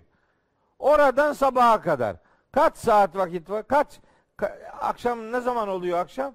Altı buçuğa doğru oluyor. Burada İstanbul'da altı buçuğa doğru oluyor. Sabah ne zaman güneş doğuyor? İşte aşağı yukarı 8'e doğru.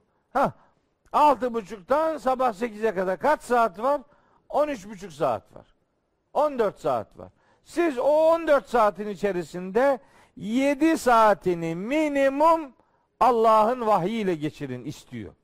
Ve rattilil Kur'ane tertila. Kur'an ağır ağır anlaya anlaya hissede hissede oku. Peki geri kalan 7 saat yeter mi? Yeter. 7 saat uyku yetmez mi? 7 saat. Üh, 7 saat bir adam uyur mu ya? 7 saat uyudun zaten uyanana kadar 2 saat öyle geçti. 9. Elini yüzünü yıka. 10, 11. Biraz daha çaba sarf etsen öbür akşama düşüyorsun zaten. Uyku dediğin nedir? 3,5-4 saat yeter. Allah Allah ya. Ne yani o kadar uyunur mu? Bu kadar ne kadar uyursan o kadar daha uyumak istersin. Öyle karpuzlar da yata yata büyür. Yat, yat, uyu. Uyuyanlar hayata yön veremezler. Uyanıklar Herkes uyurken uyanık duranlar yarınlara yön verenlerdir. Herkes uyurken sen de uyuyorsan senin onlardan bir farkın yok kusura bak. Ayakta duracaksın. Peki bunu başarmış mı Müslümanlar? Başarmış. Nerede başarmışlar? İşte aç. Gene Müzzemmil suresi 20. ayet oku. İnne rabbeke ya'lemu enneke tekumu edna min sülüseyil leyli ve nisfahu ve sülüsehu ve taifetun minellezine ma'ak. Seninle beraber olan mümin yiğitler de gecenin yarıdan çoğunu ayakta geçiriyorlardı diyor Allahu Teala. Müzzemmil suresinin 20. ayetinde.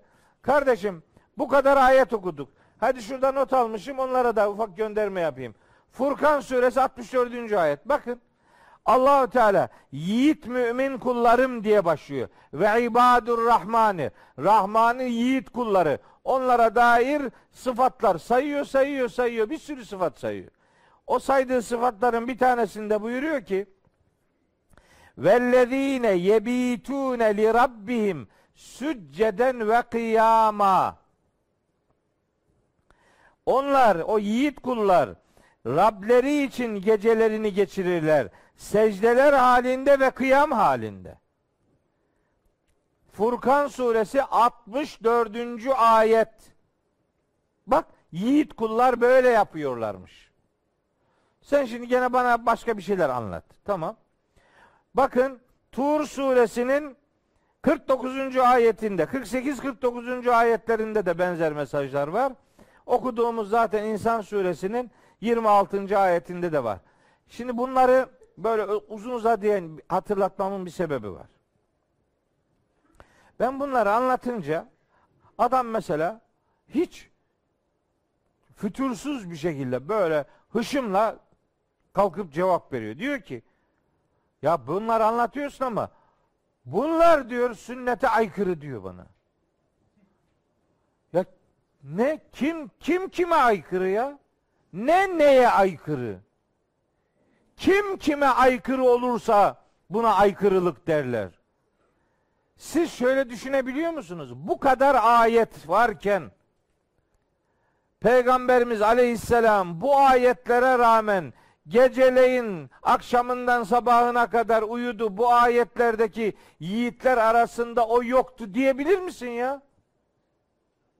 Böyle bir şey söylenir mi? Başta dedim sünnet peygamberimizin Kur'an'da Allah'ın ondan istediğini hayatında uyguladığı pratiklere derler sünnet. Onların arkasında Kur'an vardır, vahiy vardır. Onların pratiğe dönüştürülmesidir sünnet. Peygamberimiz bu, bu ayetlere aykırı bir bir hayat mı yaşadık? Onu mu demeye getiriyorsun yani? Senin bildiğin şeyler senin bildiğin doğru zannettiğin şeylerin doğru olup olmadığı Kur'an'a uygunluk şartına bağlıdır. Bu kitaba aykırıysa o doğru olamaz. Ve bizim peygamberimiz de Kur'an'a aykırı bir hayat yaşadı diye tanıtılamaz. Sen ne demek istiyorsun ya? Peygamberimizi Kur'an'ı yaşamayan adam diye mi tanıtacaksın bana şimdi? Bakın üç tane ayeti özellikle hatırlattım. Kur'an'da bunlar üç ayettir. Enbiya 90, e, Secde 16 ve Zümer 9. Korku ve ümit arası. Peygamberimize nispet edilen bir rivayette mümini tanıtırken buyuruyor ki El müminu beynel havfi ve raca. Mümin korku ve ümit arasında insandır. Bu rivayetin Kur'an'dan karşılığı işte bu ayetlerdir. O rivayet hadis tekniği açısından eleştiriyorlar. Şimdi bir de başka bir rahatsızlık daha size söyleyeyim. Şimdi mesela bir hadis okuyorsun. Mesela ben hadis okuyunca birileri pireleniyor. Niye hadis okudu diyor. Bak bak diyor hadis okuyor. Hadis senin babanın malı mı yani? Ne demek yani? Bu senin ne kadarsa benim daha çok o kadar. Ama benim senden bir farkım var. Tamamen aynı değiliz o konuda. Hiç yalandan tevazu gösterecek de değilim. Ben okuduğum rivayetin Kur'an'dan karşılığını bulursam okurum. Kur'an'dan referansını bulursam onu okurum. Bulamazsam okumam. Hangi kitapta yazarsa yazsın fark etmez. Bak bunu söylüyorum.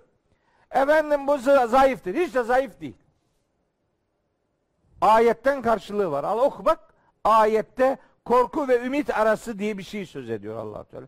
Ben de o korku ve ümit arası Kur'an'ın inşa ettiği bu duyarlılık, bu duyarlı mümin profiliyle ilgili peygamberimizin mümin korku ümit arası adamdır tarifini Kur'an'a birebir uyan bir değerlendirme olarak görüyorum. Zaten hikmet denen şey peygamberimizin Kur'an'dan ayrı aldığı bir vahiy filan değildir. Hikmet hakim olan Kur'an'dan peygamberimizin süzdüğü o e, damlalardır. Hikmet peygamberimizin Kur'an'dan süzdüğü hakikatlerdir. Yani yemeğin nasıl yapılacağını malzemelerini koyarsınız sonra onu aşçı yapar işte al malzemeler bu. Peygamberimizin sözlerinin de kaynağı Kur'an'dır. On, o bundan beslenmiş ve din adına söylemiştir. Şimdi burayı ıskalayıp da peygamberimizin bazı sözlerini doğru anlamayıp şöyle bir kurum geliştirdiler arkadaşlar. Onu bilmek durumundayız. Kur'an'la Kur'an'ın bir ayetiyle Kur'an'ın başka bir ayeti çelişir mi? Çelişmez değil mi? İddiamız budur. İmanımız budur. Kur'an bir ayetinde yap, bir ayetinde yapma demez. Kur'an bir ayetinde ak, bir ayetinde kara demez. Bir ayetinde hak, bir ayetinde bir konuyla ilgili batıl demez. Çünkü bu zıtlıktır. Kur'an'da zıtlık, çelişki yoktur. Nisa suresi 82. ayet orada barbar bağırıyor. Ama bizim şimdi bizim bizim literatürde bilmeyenler de aa böyle şey mi olurmuş diyorlar bazen. Demeyin kardeşim var. Ayetle ayet çelişir diye kabul ettikleri için Kur'an'da nasih ve mensuh vardır diyorlar. Yani Kur'an'da hükmü kaldırılmış ayet vardır. Kur'an'da hükmü kaldırılmış ayet. Niye duruyor burada o zaman? Ne yani madem bir işe yaramıyor niye burada duruyor? Mensup. Bu kapıyı açtılar. Bu kapıyı açtılar öyle durduğu yerde de durmuyor. Ne diyor biliyor musun? Peygamberimizin sünnetiyle yani hadislerle Kur'an'ın herhangi bir ayeti çelişirse sünnet Kur'an'ı nesheder diye inanıyorlar. Bak bak bak. Şimdi ayet ayeti nesheder. Onu sistemleştiriyor. Yetmiyor onun derdi o değil. Onun derdi ayetleri kendi kafasına göre işlevsiz hale getirecek. Bu defa ne diyor? Sünnet Kur'an'ı nesedebilir. Sen ne diyorsun ya? Sen ne diyorsun? Yani peygamberimiz haşa Allah'ın ak dediğine kara mı diyecek? Ona nasıl Resul denir o zaman? Nasıl Resul bu? Resul elçi demektir. Yani elçiye Allahu Teala bir mesaj veriyor. Elçi diyor ki tamam bu mesaj geldi ama ben bunun filanca yerini değiştiriyorum. Der mi ya? Der mi? Böyle bir peygamber algısı var mı? Nasıl bir peygambere inanıyor? Risalet dediğin nasıl bir şey ya? Ya vahiyler iki türlüdür demesin mi? Bak bak bak. Vahyi metluf, vahyi gayri metluf. Ha. Yani biri tilavet edilen, namazda okunan Kur'an, öbürü tilavet edilmiyor. Namazda okunmuyor o kadar ama o da vahiy. Ne güzel. Tamam. Peki gayri metlu vahiylerimiz kaç tane? Hadi gel bir de sayalım şimdi. Metlu vahiyleri biliyoruz. 6236 tane. Peki o gayri metlu olanlar kaç tane? Say bakalım. Sadece Ahmet bin Hanbel'in kitabında 40 bin tane var. Haydi say öbürleri. Buhari'de 7500 tane var. Müslim'de de bir o kadar var. Diğer sünen, sünenlerde de ona yakın var.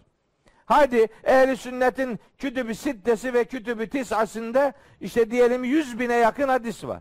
Peki Şia onlarda kütübü erbaa var. Onlar bizim birkaç katımız. Neyin vahiy olduğuna kim karar verecek? İnsanlar öyle mi? İşine geldiğine vahiydir, hadistir de, işine gelmediğine uydurmadır de. Kafana göre. Kafana göre yapmayacaksın bunu. Kur'an'a göre yapacaksın. Kur'an'a uygunsa doğrudur. Kur'an'a aykırıysa hangi mezhebin hangi kitabında olursa olsun o doğru olamaz. Bitti.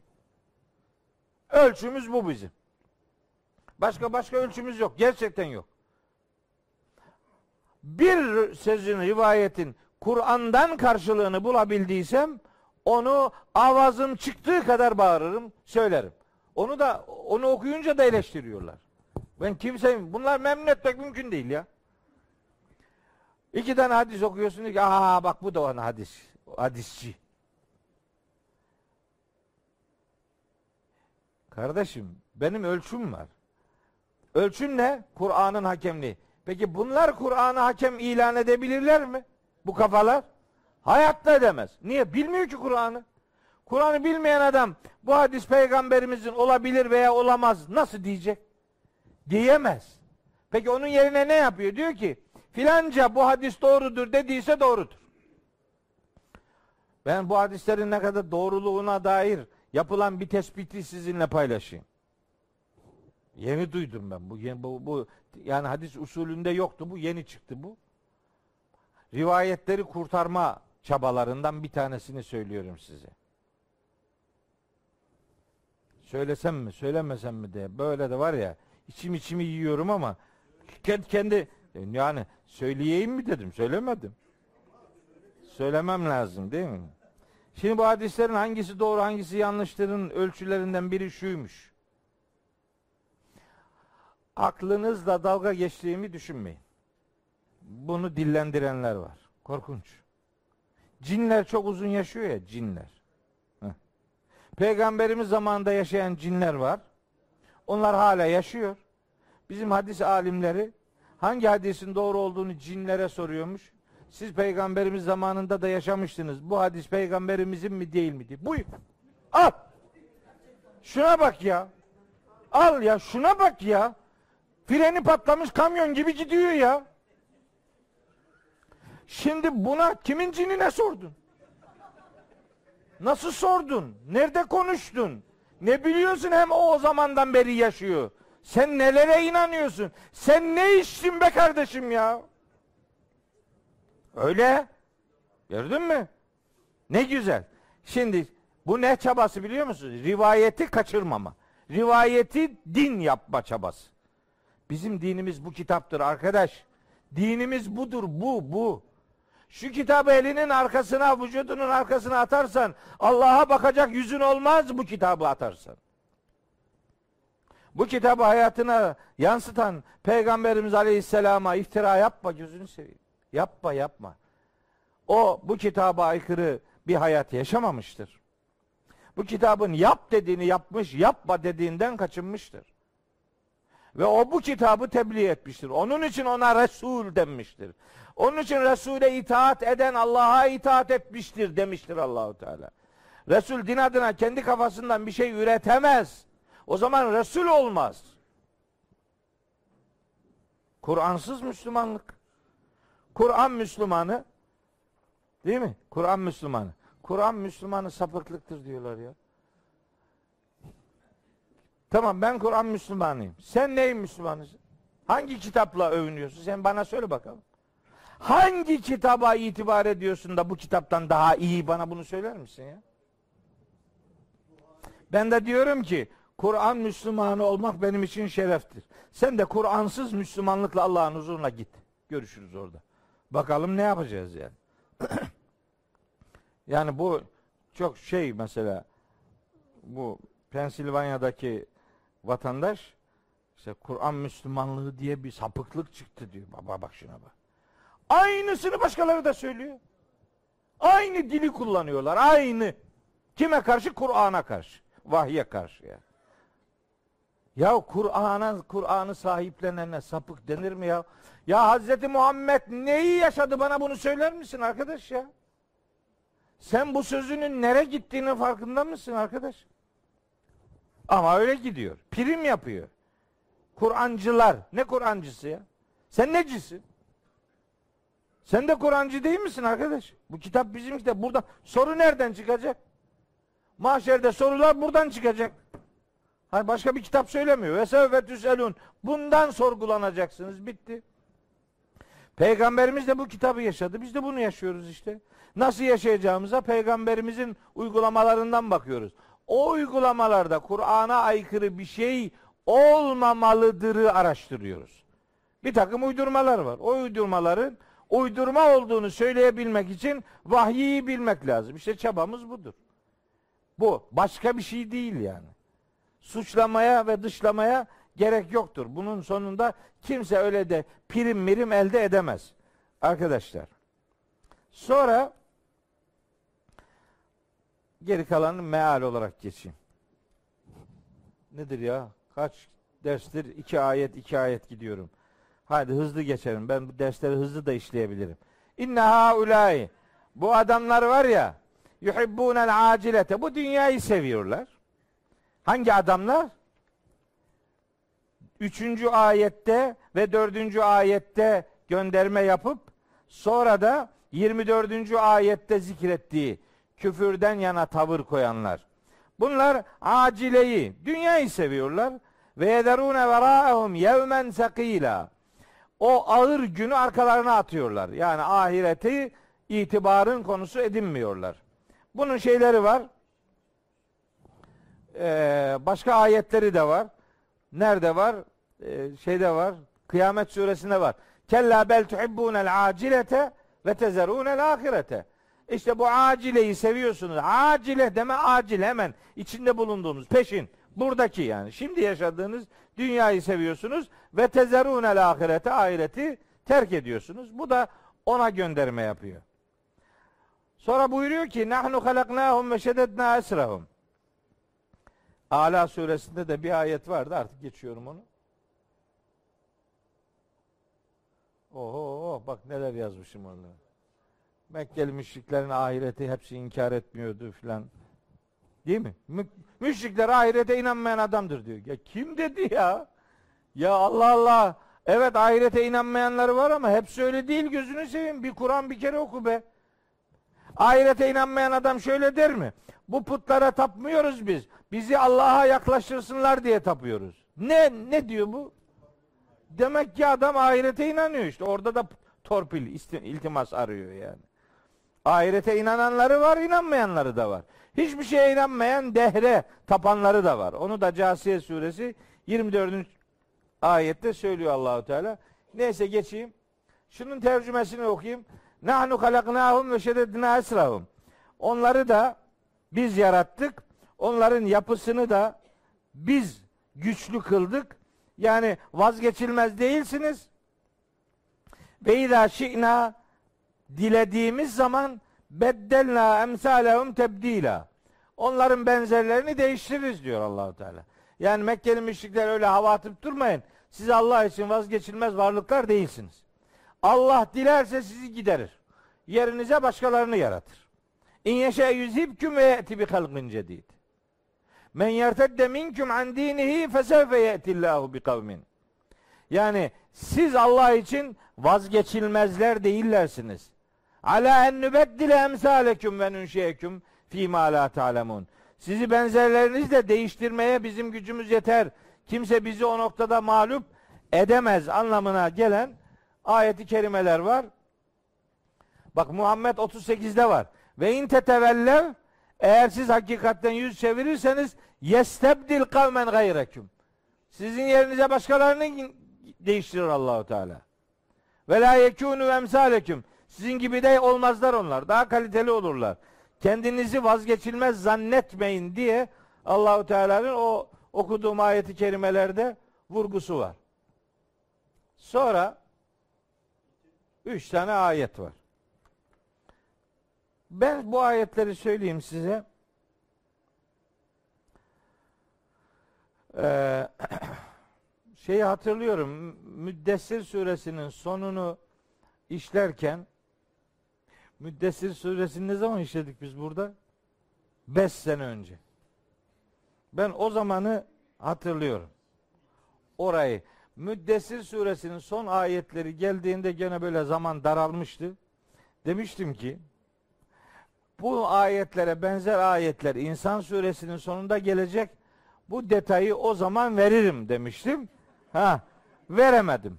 İşte o ayetler bu ayetler. Şimdi bir göndermede daha bulunalım. Bir de Tekvir suresinin sonunda geçiyor bu. E biz Tekvir suresinin de işledik herhalde. Onu da işledik. Bu da, o, müddessiri de işledik. Burayı da işledik ve biz bu konuyu anlatamadık. Ama tercümesini söyleyeyim. Benim zaten yıllardır sözlerimin içerisinde bunların bulunduğunu biliyorsunuz. Bir standart tercümeyi söyleyeyim. Bir de benim yaptığım tercümeyi söyleyeyim. Siz hangisini benimserseniz öyle yürüyün. Buyuruyor Yüce Allah. İnne hazi tezkiratün. Bütün bunlar birer hatırlatmadır. Bütün bunlar birer hatırlatmadır. Neler? İşte bu vahyin anlattığı şeyler. Niye tezkiredir? Çünkü bize fıtratımızı hatırlattığı için.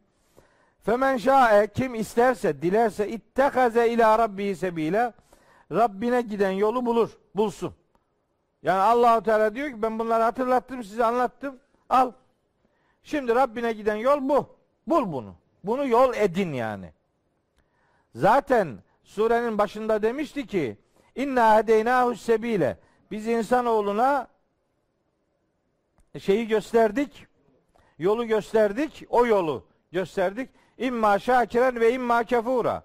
Ya şakir şükredici mümin olur ya da kefur yani nankör inkarcı olur. İşte o yolu gönderme yapıyor. Diyor ki Rab dileyen kim diliyorsa Rabbine giden yolu yol edinsin. İşte o yol bir, bir yoldur. Kur'an'ın yoludur. O tarik dediği, tarikat dediği Kur'an'ın yoludur. Yani sırat-ı müstakimdir yani. Kur'an yolculuğudur. Bunu yol edinsin. Sonra diyor ki 30. ayette Rabbimiz ve ma teşaune illa en yeşa Allahu. Siz Allah'ın dilemesinden başka şey dilemezsiniz. Yani şöyle deniyor daha iyi anlaşılsın diye bence asla anlaşılmayacak şekilde söyleniyor. Ve ma teşaune illa en Allah.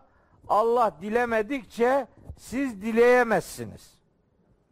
Allah dilemedikçesi var mı? Dilemiş ya Allahu Teala daha. Ne dilemedi? Diledi.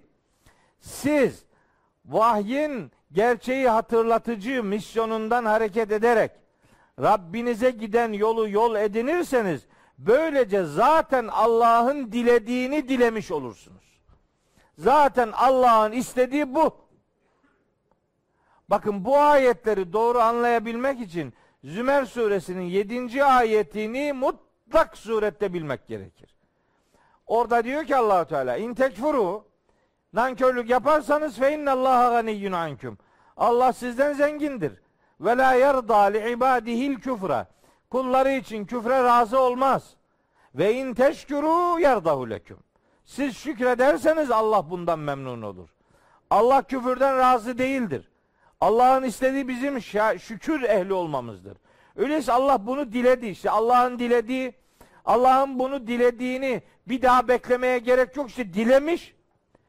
Daha daha farklı diledikleri de var. Mesela ne dilemiş? Akıl vermiş. İrade vermiş. Vicdan vermiş. Fıtrat vermiş. Kitap göndermiş. Peygamber görevlendirmiş Hala diyor ki Allah dilemedikçe siz dileyemezsiniz. Allah dilemiş kardeşim. Allah dileyemedikçe siz dileyemezsiniz demek. Yani bir alın yazısına kendini kaptırmak demektir. Yani Allah'ın bir adamın kafir olmasını baştan istemesi söz konusu olabilir mi? Allah bir adamı kafir olsun diye yaratmış olabilir mi? Yaratılışının gayesi kafir olmak diye belirlenmiş olabilir mi? İblis bile kendisi yoldan çıktı. Allah onu yoldan çıkarmadı. Kendisi çıktı. Allah senaryoyu yazmış, rolleri tanıtmıştır. Rolleri dağıtmamıştır. Rolleri tanıtmıştır. Hangi rolü istiyorsan onun sonucuna katlanırsın. Dileyen Rabbine giden yolu bulur diyor. Dileyen. Ben bu hatırlatmaları yaptım. Hakikati ortaya koydum. Bunu anlayacak akıl, irade, fıtrat ve vicdan verdim. Kitap gönderdim, peygamber görevlendirdim. Küfre razı değilim, şükrü imanı isterim dedim. Şimdi benim dilediğim bu. Siz bunlardan istifade eder, hakikat yolunu yol edinirseniz zaten Rabbinizin Allah'ın dilediğini dilemiş olursunuz. İnna Allah kan alimen hakima. Allah her şeyi bilen ve hükmünde hikmet sahibi olandır. Bunu başarırsa bir adam yudhilu men yeşâ'u fi rahmetihi. Burada da bir şey var. Bir anlam e, çeşitliliği var. Yazmışım buraya bütün ayetleri. Artık onlara giremiyorum. Bunu da geçiyorum. Bak Zümer 7 bunu unutmayın. Zümer 7. Zümer 7'yi bilmedim mi olmaz bu iş yani. Müddessir 56, Tekvir 29, Zümer 20 Zümer 7. Bunlar hepsi aynı hakikate dikkat çekenlerdir. Son ayette buyuruyor ki Yüce Allah. Yudhilu men yeşâ'u fi rahmetihi. Allah Allah dilediğini rahmetine koyar.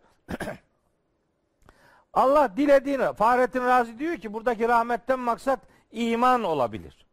Eğer maksat imansa Allah dileyeni rahmetine koyar. O zaman tercüme öyle olacak.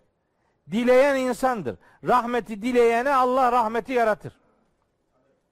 Sen isteyeceksin ki Allahu Teala da o isteği icabetine konu edinsin. Sen istemeden ni, niye yaratsın ki Allahu Teala? Senin imtihanına konu bir şeyi sen istemeden o senin sorumluluk alanına girmez. Her şey senin istediğin gibi olmaz. Eyvallah. Ama senin sorumlu olduğun alan senin tercih ettiğin iradenle, aklınla işin içerisinde tavrını ortaya koyduğun alandır. Eğer bu rahmete iman manası verilirse Allah dileyeni rahmetine koyar.